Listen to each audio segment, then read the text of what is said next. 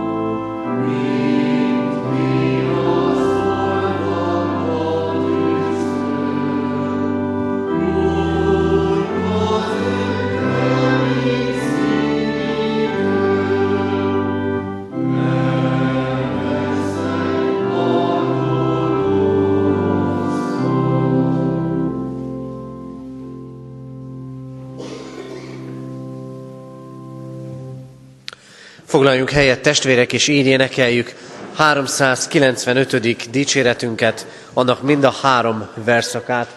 395. dicséretünket végig énekeljük, Isten szívén megpihenve.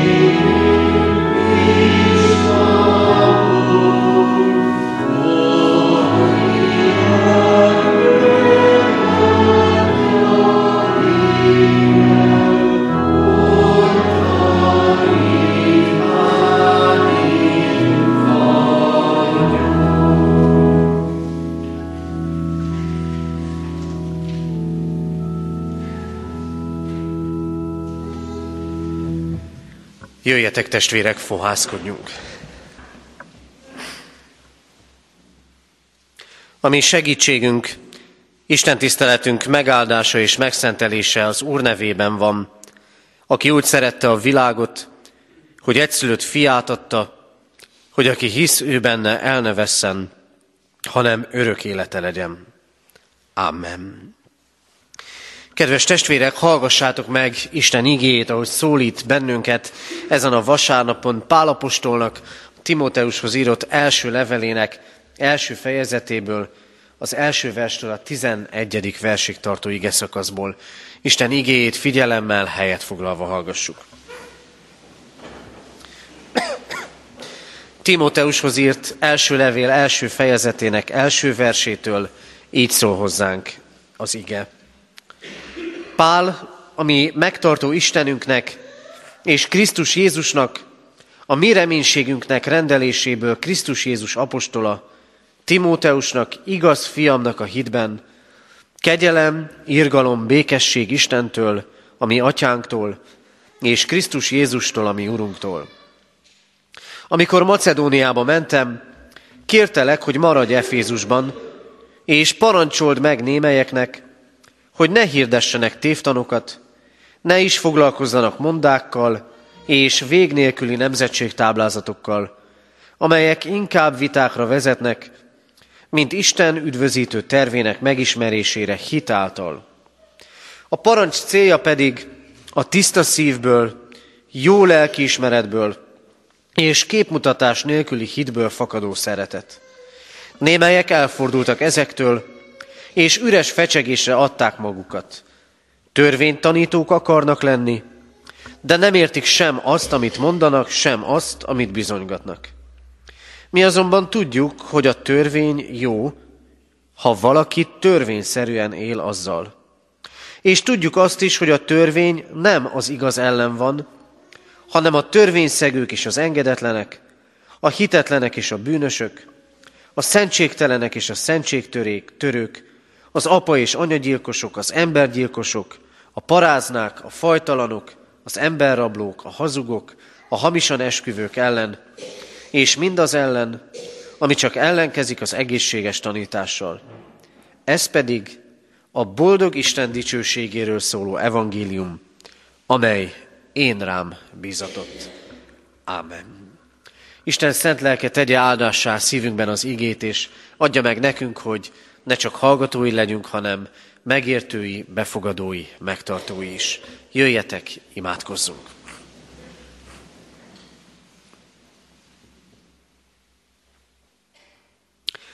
Örökkévaló Istenünk, minden bölcsesség Istene vagy. Minden tudsz, ami a világon történik, mindent értesz és átlátsz, sőt, mindent a te kezedből vehetünk el. Áldunk téged, Urunk, mert úgy ismerhetünk téged, mint aki nem csak megteremtetted ezt a világot, és gondviselésed által fenntartod és igazgatod, de úgy ismerhetünk téged, mint megváltónkat, aki kegyelmet és irgalmat hirdet nekünk. Úgy ismerhetünk téged, mint megszentelő Urunkat, aki lelkeddel munkálkodsz bennünk és közöttünk, hogy hozzátérjünk, hogy kitartsunk a rólad szóló igaz tanításban, hogy megújuljunk időről időre hitünkben, mely hozzád köt, és szeretetünkben, amit irántad és embertársaink iránt mutathatunk meg.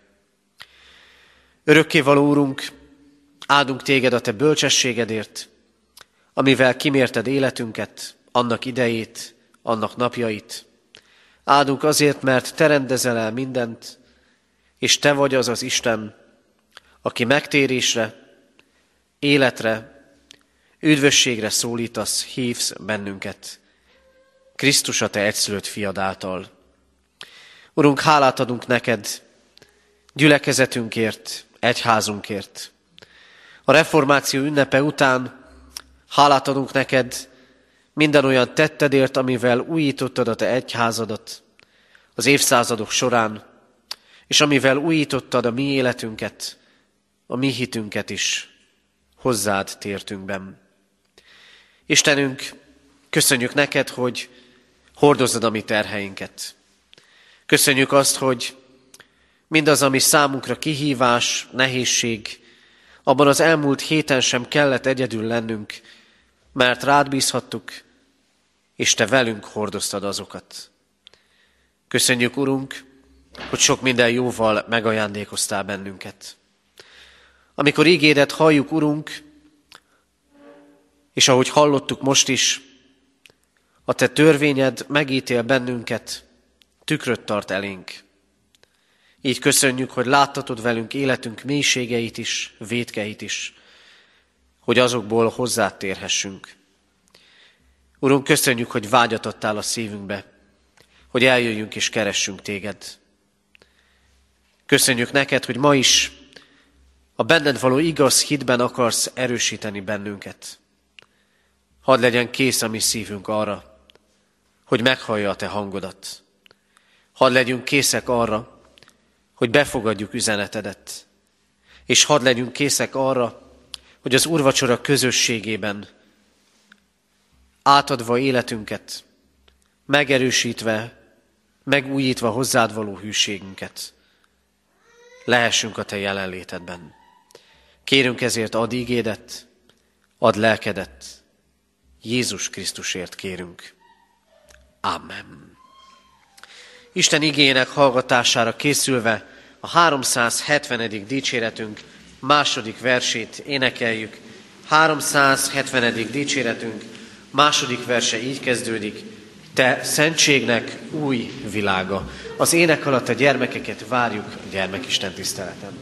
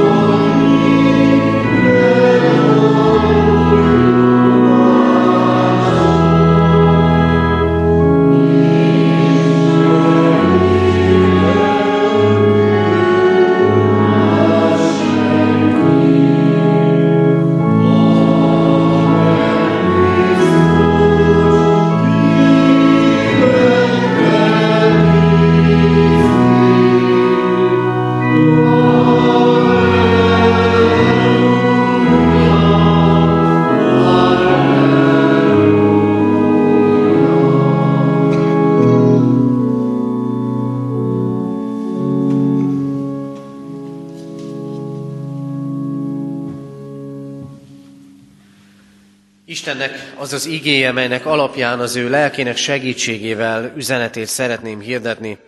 Írva található az imént hallott igékben, Pál Timóteushoz írott első levelének első fejezetében, ebből az ötödik verset szeretném kiemelni és újra felolvasni. A parancs célja pedig a tiszta szívből, jó lelkiismeretből és képmutatás nélküli hitből fakadó szeretet. Amen. Eddig Isten írott igéjem. Kedves testvérek, Timóteushoz írott első levelet kezdjük ma olvasni, református bibliaolvasó rendünk szerint. A pásztori levelek közé tartozik ez. Olyan levelek ezek az új szövetségben, amelyek egy-egy személynek szólnak, akiket Pálapostól szolgálatba állított, és rajtuk keresztül szólnak nem, nem is csak egy, hanem több gyülekezetnek. És itt ebben a hosszabb felolvasott ige szakaszban is már bepillantást nyerünk az első keresztjének, az első keresztény gyülekezetek életébe. Mégpedig egy sajátos szempontból. Ugyanis hatalmas felütéssel és világos szóval Pálapostól rögtön azzal kezdi Timóteusnak szánt üzenetét, hogy lépjen fel a tévtanításokkal szemben. Mert a kereszténység korai időszakában már rögtön megjelennek a tévtanítások. Egyrészt kívülről jövő támadások formájában, másrészt pedig belülről bomlasztó erőkként. Tulajdonképpen majd, hogy nem azt mondhatnánk, hogy mindig így történik ez az egyház történetének időszakában, hogy még egyet említsek, amikor a reformáció elkezdődött, csak nem 500 esztendővel ezelőtt, a fő csapás irányok mellett bizony megjelentek olyan irányzatok is, mellék irányai a reformációnak, amely csoportok, mai szóval szektás jeleket mutattak, és tévtanításokat hirdettek a reformáció mondjuk így védernyője alatt, és aztán szépen lassan ezek elsorvadtak, illetve ez sem teljesen igaz, mert mondhatnánk azt, hogy az egyházban sincs új a nap alatt, nincs ma olyan tévtanítás a világban, amely ne lett volna, ne történt volna meg valamikor az első századok során. És létező jelenség ez ma is. Persze a viták nem a szemünk előtt zajlanak. De mégis nagyon sok tévtanítással lehet találkozni. Az elmúlt napokban egy újságcikket olvastam, az európai protestantizmus helyzetéről értekeztek benne, és arról szólt nagyjából a cikk röviden, hogy sok olyan protestáns felekezet van Európában, vagy sok olyan protestáns gyülekezet, amelyek szélesre tárják a kapukat, sok mindent elfogadnak és befogadnak, még olyan dolgokat is, amik a Szentírás alapján egyszerűen nem állnak meg. És az az érdekes, hogy pontosan ezek a protestáns közösségek szenvedik el és élik meg a legnagyobb létszámcsökkenést. Ezzel szemben azok, amelyek hűségesek a Szentírás igazságaihoz és tanításaihoz, ha nem is olyan mértékben, mint amilyen a másik közösségekben a csökkenés, de növekednek. Az első keresztény nemzedékek ebben a légkörben éltek. Végezték a missziót, hirdették Krisztust, hirdették az evangéliumot, növekedett az egyház. De ez nem jelenti azt, hogy mindenre rábólintottak. Befogadó közösségek voltak, de nem fogadtak el mindent. Világossá teszi itt is számunkra az ige, hogy igenis, kereszténységben, gyülekezetben, egyházban, a személyes életünkben is vannak határvonalak, amiket meg kell tartani. Pálapostolon keresztül arra tanítja az Isten Timóteust, az akkori gyülekezeteket és bennünket is, hogy a keresztény életünknek, a közösségünk életének, a gyülekezetünknek, az egyházunknak rendje kell, hogy legyen. És ezt, a, és ezt a rendet két dolog szabja meg. Az evangélium és a szeretet. Mert ahol hit és szeretet van, ott tud növekedni a gyülekezet. Ahol széthúzás van, ahol távolodások vannak, és ahol nincs Krisztus evangéliuma a középpontban, ott a keresztény hit egyénivé válik. Ott nem jó irányt vesz a mi életünk. Kedves testvérek, azt látjuk ma, sok tekintetben, talán egyházban is, de világban mindenképpen, nem annyira összetartások és közeledések, sokkal inkább széthúzások és távolodások vannak. Mai igénk egyértelmű választ ad arra, hogy miért. Akkor történik ez így, ha nincs ott az életünkben, nincs ott mindennapi gyakorlatunkban, középpontban Krisztus evangéliuma és a szeretet parancsolata. Ezért arra bíztat bennünket mai igénk, át kell rajzolni ezeket a dolgokat, és át kell állítani az életünket, hogy a központban Krisztus evangéliuma és a szeretet parancsolata legyen. Isten nélkül nem lesz a széthúzásból összetartás, a közösségek felbomlásából közösségek épülése. Különösképpen is a szeretetről szeretnék most szólni. Talán kicsit más szempontból, ahogy általában szoktuk ezt hallani, és nem is az érzelmi részéről ennek, hanem arról, hogy miből ered a szeretet. Az a szeretet, ami jellemzője kellene, hogy legyen a keresztény közösségeinknek. Legyen szó egy családról, legyen szó egy bibliaórai közösségről, legyen szó egy egész gyülekezetről. Arra tanít az ige, hogy a szeretet akkor lesz igazi, hogyha az a tiszta szívből ered. Ha a tiszta szívből ered. Krisztust egyszer járva ott Galilea vidékét, számon kérik, hogy a tanítványai miért nem mosnak kezet. Miért nem vesznek részt a rituális tisztulási szertartásokban, és akkor Jézus el, elmondja azt, amit talán nagyon sokan ismerünk, nem azt teszi tisztátalanná az embert, ami bemegy, hanem ami kijön. Mert a, ami kijön a szánkon, káromlások, sokféle olyan dolog, amit aztán jó is lenne elfelejteni és megbánunk. Azt mondja, az arról beszél, hogy mi van a szívben. A szív teljességéből szól a száj. A szeretet tiszta szívből tud eredni és fakadni. És amikor azt mondja az ige, a parancs célja a tiszta szívből fakadó szeretet, akkor igenis el kell gondolkodnunk. Mit mondanak az emberek rólam? Mi árad belőlem? Milyen légkör van körülöttem? Amikor belépek a családba, amikor megérkezek egy fárasztó nap után, mi árad belőlem, amikor belépek ott a munkatársi közösségbe? Ami árad belőlem, ami kijön, az arról beszél, hogy mit is hordozok ott a lelkemben. Előtte minden a lélekben történik meg. És persze sok minden van, amit eljátszunk, amit tanulunk, amit hoztunk, és az árad belőlünk, de előbb-utóbb a dolgokat el kell rendezni. Ahhoz, hogy a Krisztusi szeretetet tudjuk felmutatni, ahhoz a szívünket kell tisztába tenni. Előbb-utóbb el kell rendezni a dolgainkat. Mert sok minden áradhat belőlünk. És akiből csak panasz, akiből csak szeretetlenség árad, aki körül megfagy a levegő, nos, az az ember egyedül marad. Nem annyira evangélium üzenetű film, a Keresztapa című film. Ott mégis a második fejezet végén azt látjuk, hogy teljesen egyedül marad a főszereplő.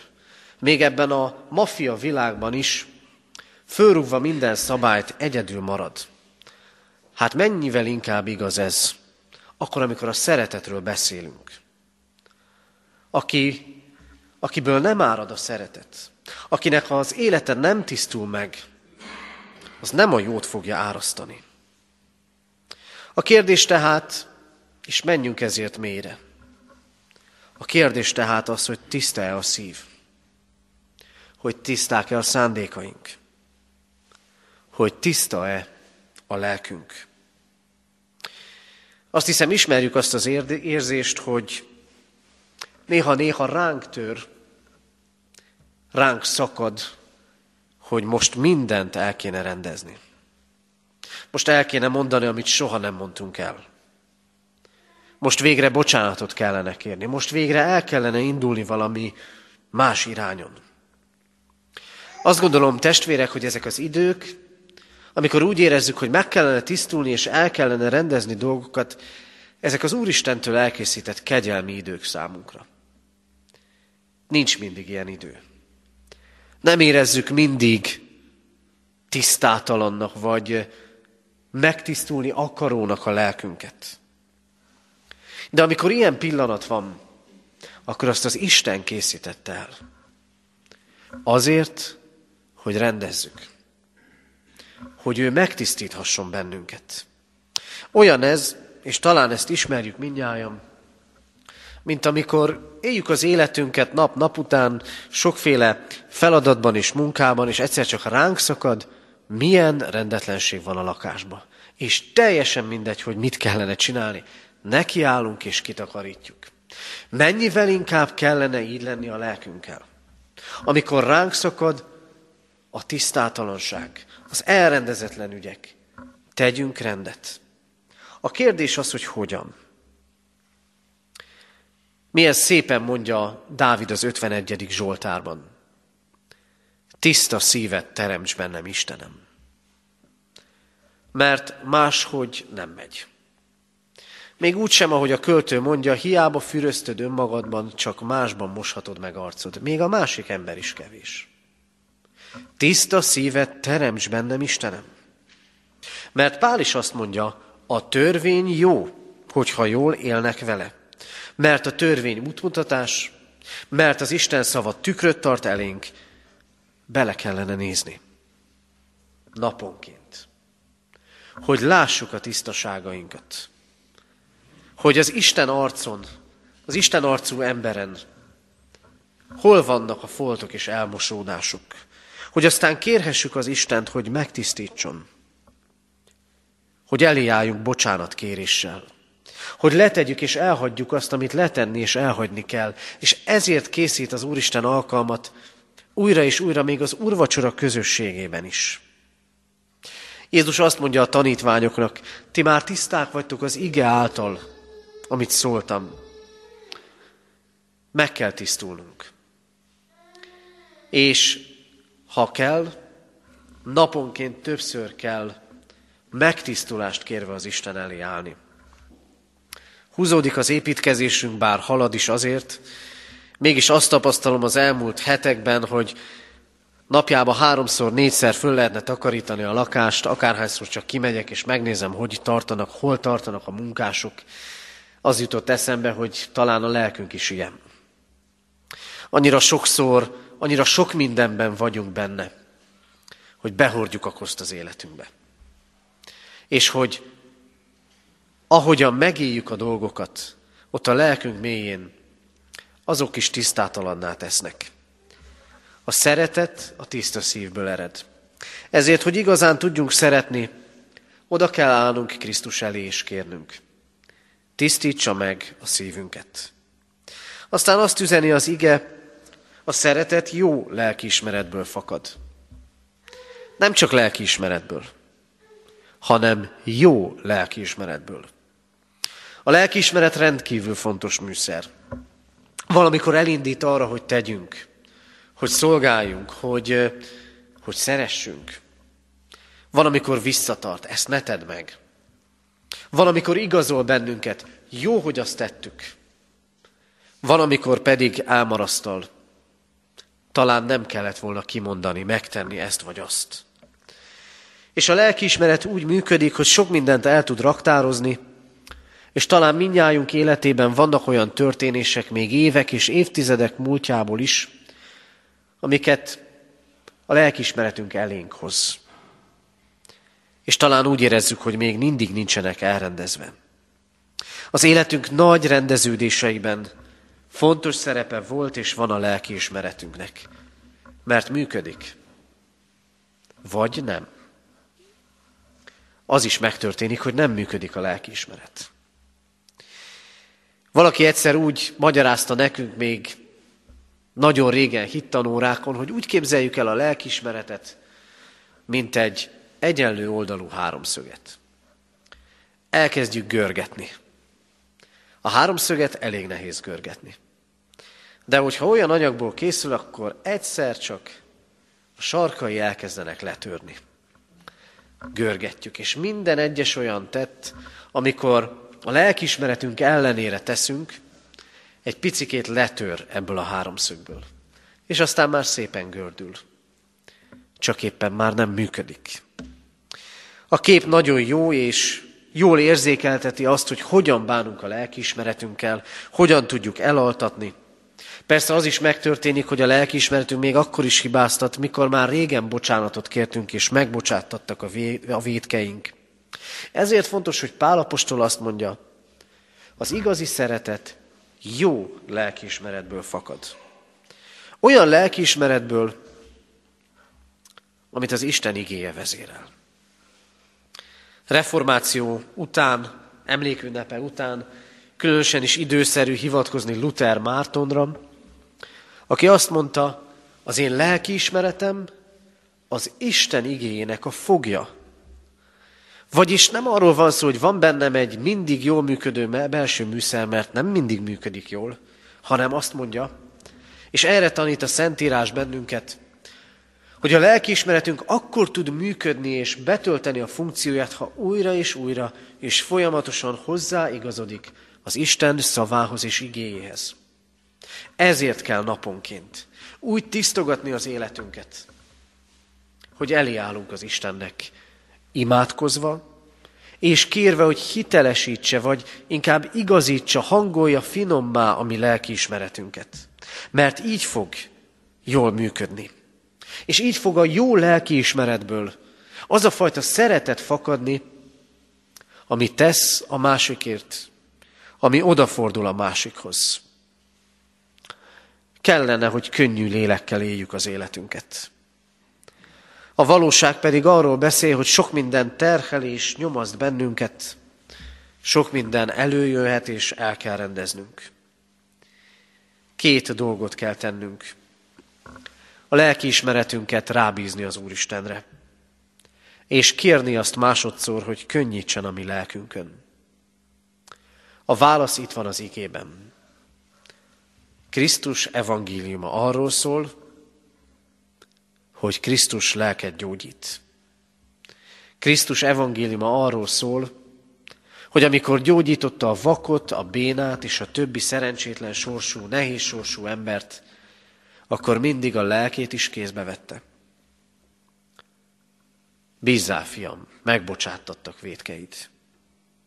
Krisztus evangéliumára van szükségünk, hogy a lelkiismeretünk felébredjen és jól működjön. Kell, hogy Krisztus evangéliuma tisztítson meg. Kell, hogy Krisztus evangéliuma járjon át bennünket, hogy merítsünk az isteni szeretetből, és tovább tudjuk adni. És harmadszor, a szeretet nem csak jó lelkiismeretből és tiszta szívből fakad, hanem képmutatás nélküli hitből. Képmutatás nélküli hitből. Tele van a világ látszat dolgokkal, amelyek olyanok, mintha valósak lennének.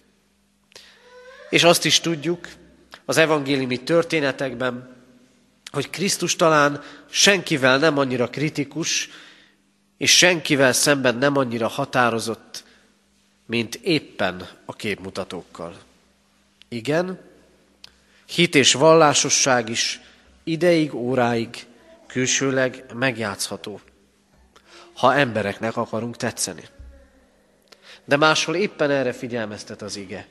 Ne embereknek, hanem az Istennek akarjatok tetszeni.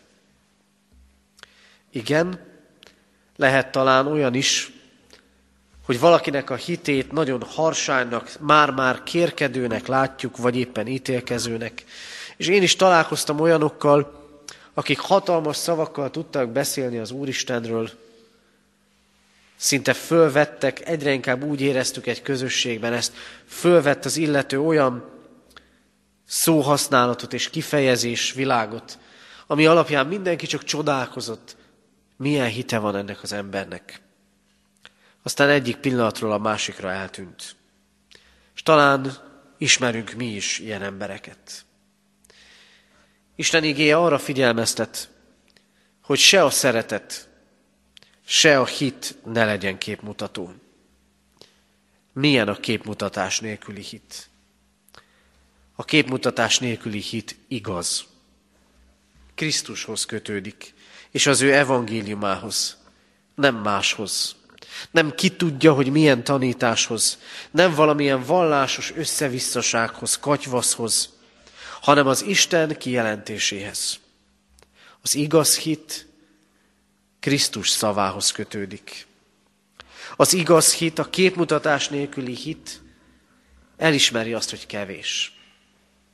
Igen, a képmutatás nélküli hitben élő ember elismeri és kimondja és kimondhatja, vannak kétségeim.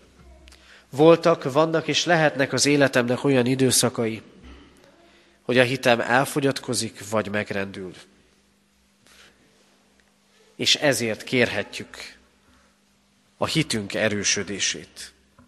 És a képmutatás nélküli hit, bár meg lehetnek benne a magasságok és a mélységek, hosszú évek távlatában mégis növekedő hit. A hit Istenhez köt, aki maga a szeretet. Így meríthetünk belőle. A szeretet képmutatás nélküli hitből fakad. Kedves testvérek, úgy tűnik olyan időket élünk, amikor a kereszténység utat keres. Utat keres önmaga bizonytalansága és az emberek bizonytalansága között. Amikor újra meg kellene talán határozni életünket, és így van ez személyes életünkben is. Nincs más út. Önmagunk hitünk újra megtalálásához, és az Isten újra megtalálásához, és a szeretet megéléséhez nincs más út, sem egyénnek, sem egyháznak, mint megtérni Krisztushoz, mint megélni a szeretetet. A szeretetről sokan beszélnek, de az alapjáról nem. Az alap Krisztus szeretete. Nekünk van honnan merítenünk. Ezért kérjük az Úristent, és imádkozzunk ezért kitartóan, hogy legyen a mi hitünk képmutatás nélküli hit hogy lelkiismeretünket ragadja meg az ő igéje, és hogy ő tisztítsa meg a szívünket. Hogy megtisztított szívből, jó lelkiismeretből és képmutatás nélküli hitből szeretet fakadhasson, és így formálhassuk, így adhassunk környezetünknek, közösségeinknek. Ebben áldjon, segítsen és szenteljen meg minket a mindenható Isten. Amen. Jöjjetek, fennállva imádkozzunk.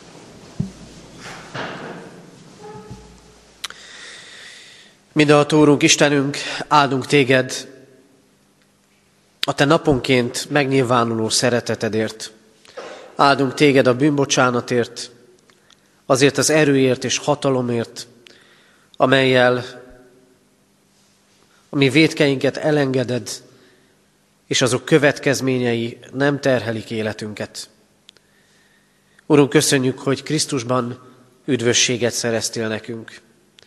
Köszönjük és áldunk téged, Urunk, hogy meghívásunk van a Te országodba való bemenetelre.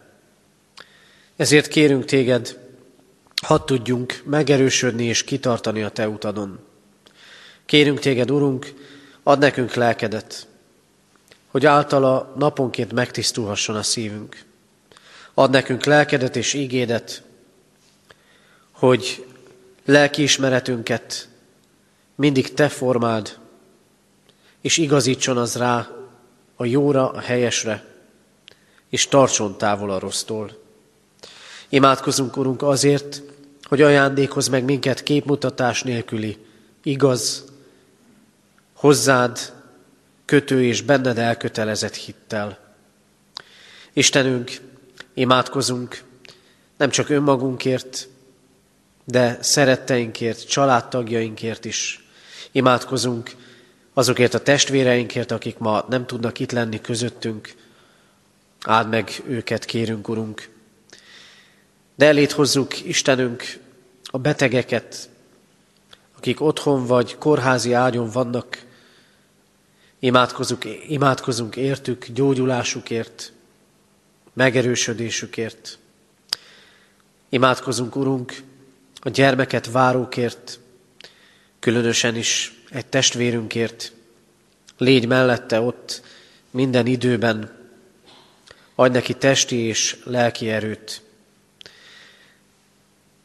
Imádkozunk, Urunk, azokért, akik a gyászterhét hordozzák, akik az elmúlt héten álltak meg a ravatalnál, vagy most készülnek temetni de imádkozunk ezeken a, ezekben a napokban különösképpen is, hogy amikor emlékezünk valamikor elvesztett szerettünkre, szeretteinkre, akkor Krisztus feltámadása és az ebből fakadó remény legyen az, ami meghatározza emlékezésünket. Imádkozunk, Urunk, egyházunk szolgálatáért, hogy hirdethessük az evangéliumot szavakban és a szeretet megélése által. Könyörgünk népünkért határokon innen és túl. Könyörgünk ezért az egész világért, hordozd gondviselő és megváltó szeretetedben. Köszönjük, Urunk, hogy így bízhatjuk rád életünket, ügyeinket, szeretteinket és mindent. Jézus Krisztus nevében kérünk, hallgass meg minket. Amen. Ti azért így imádkozzatok, mi atyánk, aki a mennyekben vagy, szenteltessék meg a te neved. Jöjjön el a te országod, legyen meg a te akaratod, amint a mennyben, úgy a földön is. Mindennapi kenyerünket add meg nékünk ma, és bocsáss meg védkeinket, miképpen mi is megbocsátunk az ellenünk védkezőknek. És ne vigy minket kísértésbe, de szabadíts meg a gonosztól, mert tiéd az ország, a hatalom és a dicsőség, mind örökké. Ámen. Hirdetem az adakozás lehetőségét, mint Isten tiszteletünk hálaadó részét. Fogadjuk Isten áldását. Istennek népe, áldjon meg téged az Úr, és őrizzen meg téged. Világosítsa meg az Úr az ő arcát rajtad, és könyörüljön rajtad. Fordítsa az Úr az ő arcát reád, és adjon néked békességet. Ámen. Foglaljunk helyet, és a hirdetéseket hallgassuk meg. Hirdetem a testvéreknek, hogy ma még 11 órakor és délután 5 órakor lesz Isten tisztelet Kecskeméten a templomban. Délután 5 órakor a köztemetőben ökumenikus áhítat lesz, este 6 órakor pedig a baptista imaházban a Széchenyi városban reformációi zenés áhítaton lehetünk együtt. Heti alkalmaink közül néhányat hadd emeljek ki. Elsőrenden a katonatelepi alkalmakat. Kedden délután 5 órától tartunk bibliaórát itt katonatelepen. A hidegre való tekintettel nem a templomban, hanem a lelkészlakás a parókia épületében. Szeretettel várjuk a testvéreket, bátran nyissanak be a parókia ajtaján. És jövő héten vasárnap szokott rendünk szerint 3.4.10-kor lehetünk együtt Isten tiszteleti közösségben. Imádkoztunk az elmúlt héten eltemetett Muraközi György 69 éves korában elhunyt testvérünk gyászoló hozzátartozóért. Halottaink vannak, Csapó Lászlóné Rozgonyi Ágnes 85 évet élt, temetése november 4-én, szerdán 11 órakor a református temetőben lesz. Tálas Józsefné Seffer Magdolna 88 eszendőt élt. Temetése november 6-án, pénteken 11 órakor a református temetőben.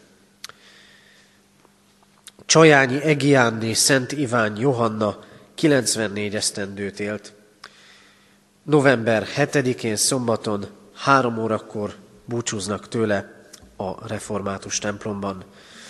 Házasolandó jegyespárt egyet hirdetek, eljegyeztem Csibrán Emőke Ágnest, házasságkötésünkre november 14-én, szombaton 15 órakor kerül sor Kecskeméten a templomban. Szeretettel várjuk erre a testvéreket.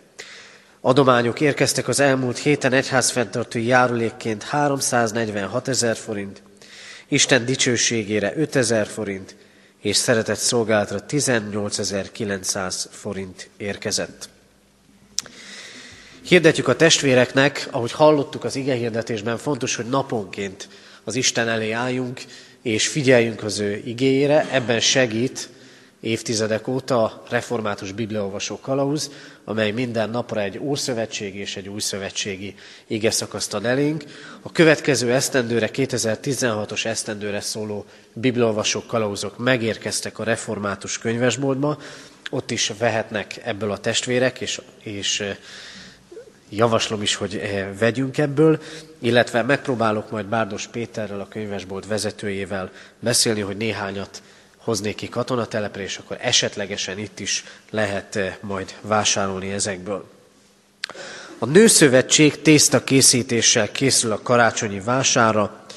November 6-án, 13-án, 20-án és 27-én pénteki napokon a Szarvas utcai Sionházban reggel 7 órától erre várjuk a testvéreket, akik tudnak tésztát készíteni, vagy szeretnének megtanulni, és még rá is élnek a következő péntekeken reggel 7 órától a Szarvas utcai Sionházban. A Református Gimnázium felvételi előkészítőt indít, erről részletesebb tájékoztatást személyesen szívesen adok, most nem olvasnám föl az ide vonatkozó hosszabb hirdetést. Néhány katonatelepi hirdetést szeretnék még elmondani. A fűtés még mindig nem üzemel, de már elkezdtek a fűtésen dolgozni. Nem tudtunk még, nem, nem tudok még időpontot mondani, hogy mikortól működhet a templomban a fűtés. Ha nagyon jól mennének a dolgok, akkor már akár jövő vasárnap, de reméljük, hogy néhány héten belül ez megoldódik. Ugyanígy tart a gyülekezeti teremnek az építése. Reménység szerint november legvégére, inkább december eleje közepére el fog készülni, hiszen már most mondom, hogy advent harmadik vagy negyedik vasárnapjára tervezzük a gyülekezeti terem ünnepélyes használatba vételét, és a munkásoknak is ehhez kell igazodni. Úgyhogy hordozunk imádságban ezt, a, ezt az ügyet is. Szépen gyűlnek a konzervek, amikkel rászorulóknak segítünk a kiáratnál. Ezt egészen adventig hirdetjük ezt az akciónkat. Várjuk a készételkonzerveket, húskonzerveket, amelyeket a bejáratnál elhelyezett ládába lehet majd letenni, és ugyanígy befőtteket, házi készítésű befőtteket is szeretettel fogadunk. És jól lehet messze van még, de már most szeretném hirdetni, hogy november 21-én szombaton, tehát november 21-én szombaton az őszi nagy templom takarítást szeretnénk megtartani. Erre várjuk a segítő kezeket, férfiakat és hölgyeket egyaránt, tehát november 24-én szombaton úgy tervezzük, hogy ez alkalommal a korábbi évek rendjéhez képest annyi változás lenne, hogy a szolgálókat egy ebéddel várnánk, látnánk vendégül, ezért azt szeretném kérni, hogy tudjunk körülbelüli, legalább egy körülbelüli létszámmal számolni, aki szívesen részt vesz, tudja, hogy el tud jönni erre az alkalomra, és így egy kicsit közvetlenebbül is együtt lehetünk. Jelezze ezt nálam, és ennek függvényében készítjük majd az ebédet. Köszönjük az erre vonatkozó eh, felajánlást. Az Úr legyen a mi gyülekezetünk őriző pásztora. Záróénekünket énekeljük, 446. dicséretünknek első és második, vagyis mindkét verszakát, 446. dicséretünk mindkét versét énekeljük. Uram, bocsásd el népedet békével!